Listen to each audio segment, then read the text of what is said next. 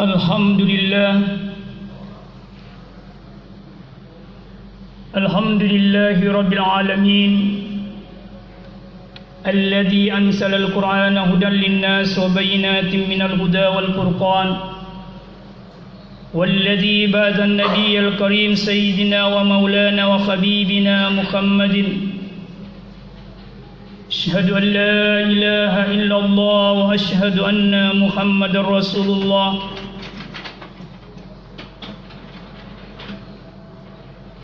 اللهم صل وسلم وبارك على سيدنا ومولانا وحبيبنا محمد وعلى آله الطيبين الطاهرين. وأوصانا الله في كتابه الكريم وصية كبيرة وعظيمة كما قال يا أيها الذين آمنوا اتقوا الله حق تقاته ولا تموتن إلا وأنتم مسلمون. Jamaah Jumat yang dirahmati Allah Subhanahu wa taala. Di bulan Oktober ini paling tidak ada dua peristiwa besar yang diperingati oleh umat Islam bangsa Indonesia. Yang pertama adalah peristiwa peringatan Maulid Nabi Muhammad sallallahu alaihi wasallam yang jatuh pada tanggal 12 Rabiul Awal. Yang kedua adalah peristiwa peringatan Sumpah Pemuda yang jatuh pada tanggal 28 Oktober kemarin. Peristiwa pertama itu adalah peristiwa keagamaan atau terkait dengan tradisi religius spiritual. Sementara peristiwa yang kedua itu terkait dengan kebangsaan. Religion atau agama dan kebangsaan dua hal yang tidak dipis, tidak bisa dipisahkan. Dua hal yang menyatu seperti dua sisi mata uang. Kalau agama dan kebangsaan ini dipisahkan, apalagi dikontraproduktifkan, maka akan terjadi adalah dehumanisasi terhadap manusia. Banyak ayat dan hadis Nabi menjelaskan relasi yang kuat antara agama dan kebangsaan. Salah satunya Nabi bersabda, "Saya samanun ala ummati akan datang suatu masa atas umatku." Apa ciri masa itu? Kata Nabi, "La ya'rifuna al-ulama'a illa bi zawbin hasanin." Mereka tidak lagi mengenal ulamanya, mengenal pewaris nabinya dari umatnya, dari bangsanya itu, kecuali hanya dengan identitas pakaian keulamaan saja. Jadi ulama itu diukur dengan pakaian keulamaannya, bukan lagi moral akhlaknya, bukan lagi ilmunya, dan bukan lagi kekuatan spiritualnya. Ciri yang kedua, la ya'rifuna al-Qur'ana illa bisautin hasanin. Mereka tidak lagi mengenali Quran kecuali hanya dengan lapas-lapas Quran yang dilakukan dan disuarakan dengan indah. Dan yang ketiga, la ya'buduna Allah illa fi syahri Ramadan.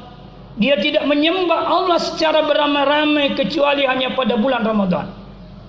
Fa in kana kadzalik kata Nabi. Kalau hal ini sudah nyata dalam kehidupan masyarakat itu, apa yang akan terjadi? Sallallahu alaihim bisultanin la ilmalah wala khilmalah wala rahmalah. Allah akan menguasakan umat itu dengan penguasa la ilmalah yang tidak ada ilmunya, penguasa yang bodoh. La hilmalah penguasa yang tidak memiliki kasih sayang. Yang tidak memiliki kesantunan. Wala rahmalah dan penguasa yang tidak memiliki keba kebaikan. Bahkan dalam satu pernyataan Malik bin Dinar dia katakan Allah itu pemilik kekuasaan dan dia berikan kekuasaan itu kepada siapa yang dia kehendaki. Tapi kata Malik bin Dina, kalau kekuasaan, kalau masyarakat itu hidup dalam maksiat kepada Allah, maka Allah kuasa merubah hati para penguasa untuk berbuat zalim kepadanya. Tapi kalau umat ini, rakyat ini taat kepada Allah, maka Allah juga akan merubah penguasa yang berkuasa itu untuk senantiasa berlaku kasih sayang kepadanya. Nah, ini artinya apa? Agama dan kebangsaan dua hal yang tidak mungkin terpisahkan. Kalau agama dan kebangsaan tidak bisa dipisahkan satu sama lain, maka pemuda sebagai generasi bangsa itu juga tidak bisa dipisahkan dengan agama. Kapan pemuda terpisah dari agama, maka dia akan tumbuh berkembang dalam karakter yang buruk. Tapi kalau pemuda itu dicahayai dengan agama, maka dia akan memiliki karakter-karakter yang mulia. Di antara karakter pemuda yang mulia yang disebutkan oleh Nabi di dalam hadisnya antara lain kata Nabi sab'atun yudallimuhumullahu yaumal qiyamah yaumul la dhilla illa zillahu ada tujuh golongan yang dilindungi Tuhan pada hari kemudian di mana tidak ada lagi perlindungan kecuali perlindungan Allah tujuh di antaranya tiga tiga di antara tujuh itu itu adalah pemuda Siapa dia? Kata Nabi, syabun nasa'afi ibadati rabbi. Anak muda yang tumbuh dalam penghambaan dan peribadatan kepada Tuhannya.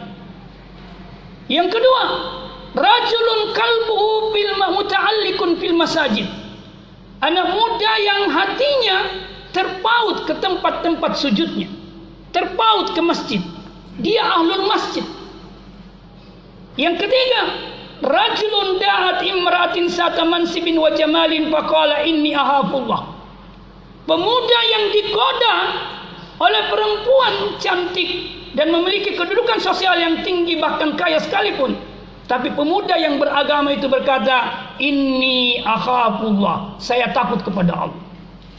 Ini karakter-karakter pemuda yang dikehendaki dan dibanggakan dan dicintai oleh Allah Subhanahu wa taala. Kata Allah, kata Nabi dalam satu hadis, dia berkata, Inna Allah yuhibbus sabab. Allah akan mencintai pemuda-pemuda yubna sababahu fi ta'atillah yang menghabiskan masa mudanya dalam taat kepada Allah Subhanahu wa taala. Bahkan Allah mendambakan membanggakan pemuda seperti ini di hadapan para malaikat. Dalam hadis lain dikatakan Innallaha yubahis sababah. Allah membanggakan para pemuda-pemuda di hadapan para malaikat, pemuda-pemuda yang taat kepada Allah Subhanahu wa taala. Yaqulu Allah berkata kepada para malaikat, "Unzur, lihat itu ibadi, hambaku yang muda itu." Apa yang dia lakukan? Dia mengendalikan hawa nafsunya biajli karena aku kata Allah ini hebatnya pemuda-pemuda yang taat kepada Allah Subhanahu wa taala. Di dalam Al-Qur'an Allah memberikan contoh pemuda yang seperti ini yakni Nabi Yusuf alaihissalam ini pemuda yang sangat gagah. Kata Nabi Yusuf dia katakan di dalam Al-Quran diabadikan perkataannya. Dia mengatakan Rabbi kad ataitanil mulka wa 'allamtani ta'wil al ahadis fatir as-samawati wal ard. Anta wali fid dunya wal akhirah. Tawaffani musliman wa ahlikni bis salihin. Nabi Musa Nabi Yusuf berkata Rabbi wahai Tuhanku kad ataitani minal mulk. Engkau telah memberikan kepadaku kekuasaan. Jadi pemuda yang dianugerahi kekuasaan oleh Allah. Tapi pemuda yang dianugerahi kekuasaan ini karena dia paham agama, dia hidup dalam kedekatan dengan Allah. Dia mengatakan, "Kada ataitani kekuasaan itu pemberianmu Tuhan." Maka dia mengatakan, "Anta wali di dunia wal akhirah." Maka engkaulah penolongku dalam menjalankan kekuasaan. Engkau pembimbingku dalam menjalankan kekuasaan. Engkau yang mengajariku, yang melindungiku dari kesalahan-kesalahan dan kebatilan dalam menjalankan kekuasaan. Di dunia, di dunia maupun di akhirat.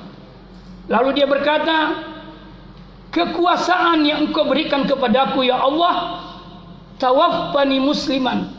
Biarkan aku dalam kekuasaan itu mati dalam keadaan pasrah total kepadamu. Wa ahlibni bisalihin.